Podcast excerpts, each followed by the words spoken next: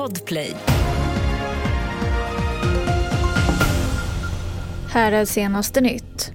Om kriget mellan Israel och Hamas drar ut på tiden med en omfattande israelisk markoffensiv i Gaza så skulle det kunna gynna Ryssland och landets president Vladimir Putin i anfallskriget i Ukraina som för tillfället hamnat lite i skuggan av händelseutvecklingen i Mellanöstern. Det här säger överstelöjtnant Joakim Paasikivi.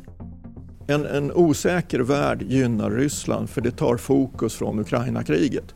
Men också att Ryssland riktar sig mot det som kallas den globala södern framförallt och säger att nej nu måste alla ta det lugnt och vi vill ha fred. Och man försöker framstå som en fredsmäklare. För också i förlängningen då ska bli sedd som sån att det är Ukraina som är den stridande parten och ryssarna är den sansade. Så man satsar på propaganda på olika sätt. Den 60-åriga man som tidigare misstänkts för olovlig underrättelseverksamhet frias.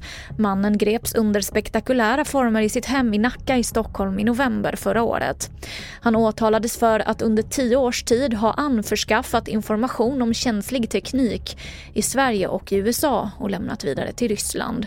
Men Stockholms tingsrätt friar nu mannen på alla punkter. Ytterligare en räntehöjning kan svida extra mycket varnar vice riksbankschef Per Jansson för.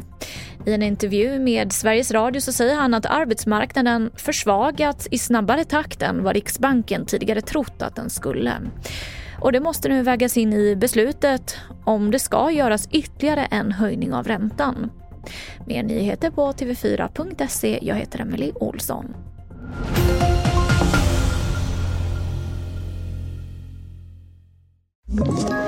Ett poddtips från Podplay. I fallen jag aldrig glömmer djupdyker Hasse Aro i arbetet bakom några av Sveriges mest uppseendeväckande brottsutredningar. Går vi in med hemlig telefonavlyssning och, och då upplever vi att vi får en total förändring av hans beteende. Vad är det som händer nu? Vem är det som läcker? Och så säger han att jag är kriminell, jag har varit kriminell i hela mitt liv men att mörda ett barn, där går min gräns. Nya säsongen av Fallen jag aldrig glömmer på Podplay.